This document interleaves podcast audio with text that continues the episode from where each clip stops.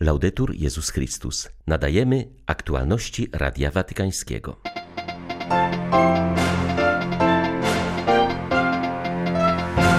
Stolicy Apostolskiej zależy na ożywieniu Światowych Dni Młodzieży na szczeblu diecezjalnym. Jak to zrobić, sugeruje ogłoszony dziś dokument dykasterii do spraw świeckich rodziny i życia. Dziś 101. rocznica urodzin świętego Jana Pawła II.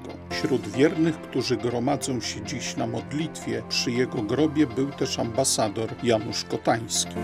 Trwa różańcowy maraton o ustanie pandemii. Dziś ośrodkiem ogólnoświatowej modlitwy jest sanktuarium maryjne w Lourdes.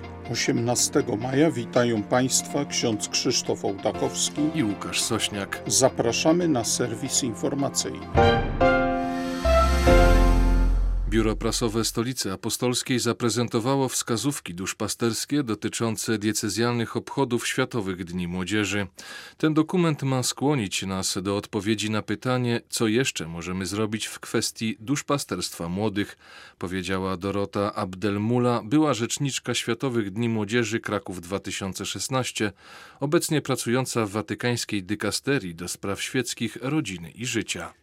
Podkreśla, że dokument nie powstał po to, aby młodym ludziom autorytatywnie wskazać, w jaki sposób powinni przeżywać Światowe Dni Młodzieży w diecezjach, ale by ich zainspirować i zapalić do zaangażowania w życie Kościoła.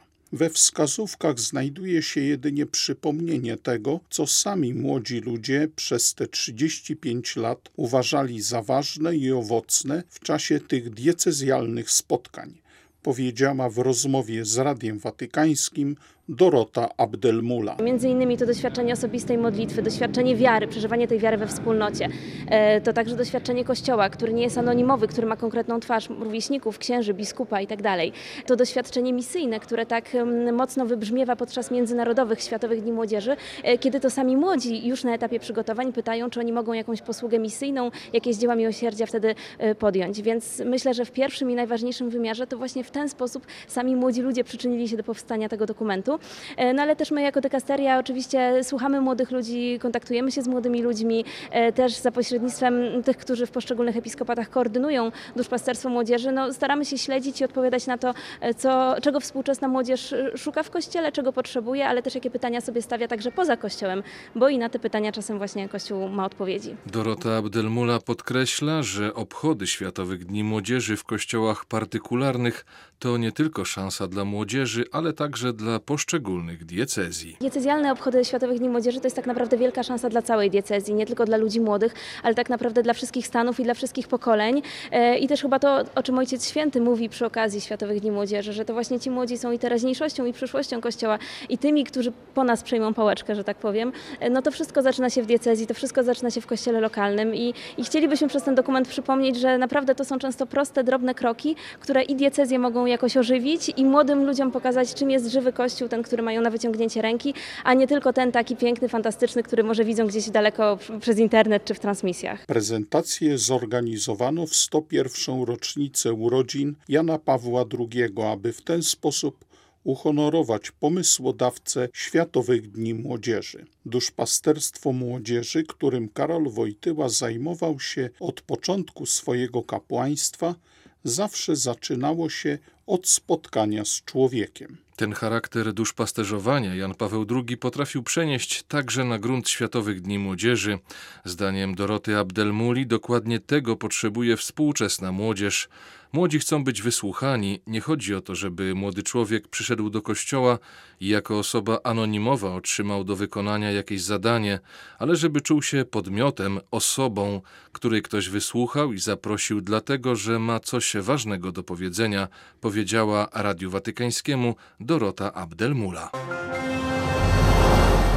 Dziś od samego rana wiele osób przychodzi do Bazyliki Świętego Piotra, aby w kaplicy Świętego Sebastiana pomodlić się przy grobie świętego Jana Pawła II. Przypada bowiem, jak już wspomnieliśmy, 101. rocznica urodzin Karola Wojtyły. Przybył również ambasador Rzeczypospolitej Polskiej Janusz Kotański, aby złożyć kwiaty. W rozmowie z Radiem Watykańskim polski dyplomata zaznaczył, że wraz z upływem czasu świętość i wielkość Jana Pawła II stają się bardziej widoczne, a jego nauczanie pełne miłości, dobra i wiary jest szczególnie potrzebne światu w obecnym czasie pandemii, konfliktów i wojen. Przesłanie papieża Polaka w epoce zacierania się podstawowych wartości wydaje się wyjątkowo aktualne.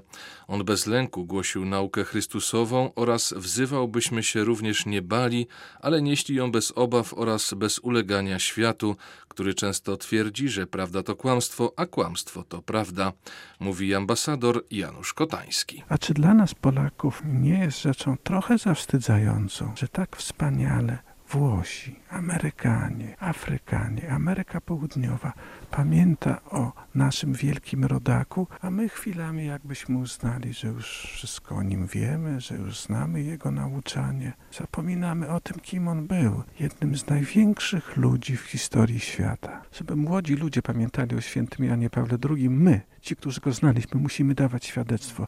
Świadectwa tego, czego on dokonał w naszym życiu, jak ono uległo zmianie. Tak, jest to niezwykle ważne, że to ten papież doprowadził do upadku zbrodniczego komunizmu, ale nie to jest najważniejsze. Najważniejsze jest to, jak zmieniliśmy się my jako ludzie, jako chrześcijanie, jako katolicy, a zmienił się cały świat, bo był to papież pielgrzym, który przeorał po raz kolejny ten grunt i rzucił w grunt żyzne ziarno wiary. W naszym sanktuarium w Lourdes codziennie zanosimy do Maryi modlitwę całego ludu Bożego, by Bóg dał nam siłę podczas tej próby i by uwolnił nas od pandemii. Wiemy, że dla Boga nie ma rzeczy niemożliwych, mówi ksiądz Olivier Ribado Dumas, rektor sanktuarium. Dziś to właśnie Lourdes jest to środkiem miesięcznego maratonu różańcowego o ustanie pandemii. Tym razem przedmiotem intencji szczegółowej są lekarze i personel medyczny. Ksiądz Dima zaznacza, że wraz ze stopniowym znoszeniem pandemicznych ograniczeń w Lourdes ożywa też powoli ruch pielgrzymkowy. Od jutra wraz ze zniesieniem godziny policyjnej wznowione zostaną wieczorne procesje ze świecami. Zgłaszają się już pierwsze pielgrzymki grupowe, poczynając od żołnierzy, którzy przybędą tam pod koniec tego tygodnia.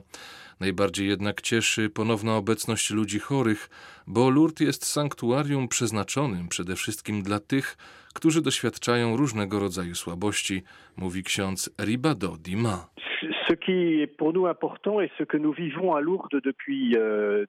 Od ponad 15 miesięcy modlitwa stała się dla nas głównym zadaniem.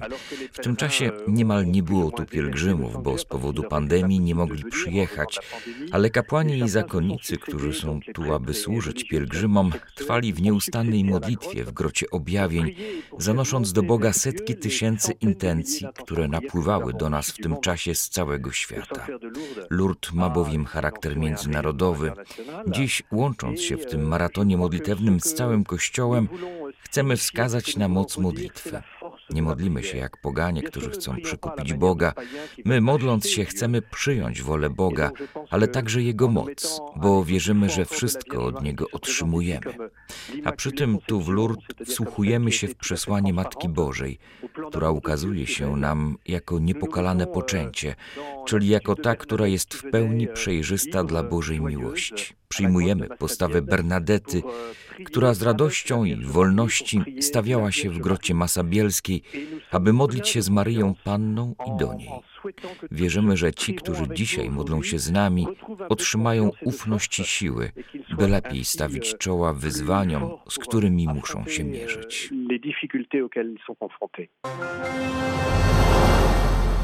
Caritas Internationalis ogłosiło specjalny apel o pomoc medyczną dla ludności dotkniętej trwającymi aktualnie bombardowaniami w strefie gazy. Caritas Jerozolima przygotowuje się, aby odpowiedzieć na pilne potrzeby tysięcy rannych i ludzi zmuszonych do opuszczenia swoich domów. Ostrzał jest niezwykle intensywny. Mieszkańcy strefy gazy przeżyli wiele wojen w ciągu ostatnich lat, ale wszyscy zgodnie potwierdzają, że tym razem jest zupełnie inaczej. Są uwięzieni w gęsto zaludnionym pasie ziemi, poddani gwałtownym bombardowaniom z powietrza i nie mogą znaleźć schronienia. W ten sposób siostra Bridget Tai, dyrektor generalna Caritas Jerozolima, opisała sytuację w strefie gazy. Liczba ofiar śmiertelnych w strefie gazy wynosi obecnie prawie 200 osób, z czego połowę stanowią kobiety i dzieci. Trwające nadal naloty nie pozwalają Caritas Jerozolimy interweniować, ale gdy tylko zawieszenie broni wejdzie w życie, zapewnimy ambulatoryjną opiekę urazową i podstawową opiekę medyczną, powiedziała siostra Tige. Caritas potrzebuje również środków na zapewnienie opieki medycznej, żywności i innych podstawowych środków do życia dla dotkniętej katastrofą ludności strefy gazy. W obliczu kolejnej tragedii humanitarnej Caritas Internationalis apeluje do swych dobroczyńców o wsparcie pracy Caritas Jerozolima. Zaostrzający się konflikt w Ziemi Świętej negatywnie odbija się również na relacjach między żydowskimi i arabskimi obywatelami Izraela. Wskazuje na to w rozmowie z Radiem Watykańskim ksiądz Hanna Kildani, wikariusz łacińskiego patriarchatu Jerozolimy dla chrześcijan żyjących w Izraelu.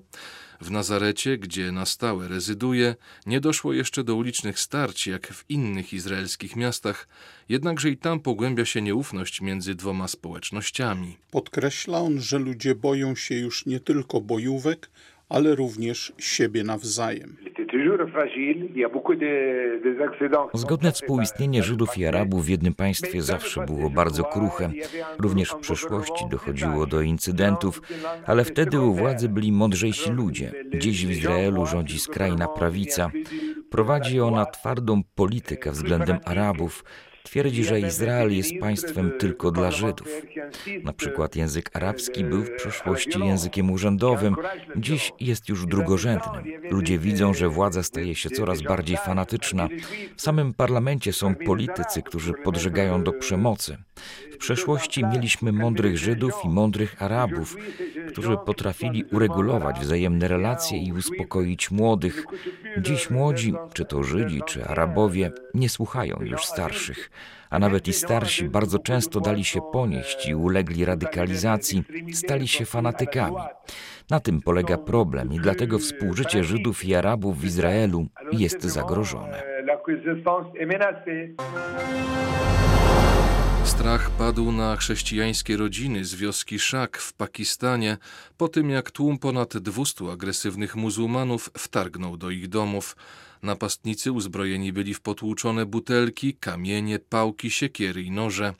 Zamknęliśmy kobiety w środku, podczas gdy oni wyłamywali drzwi. Jeden z nich zamachnął się na mnie nożem i odciął mi kciuk.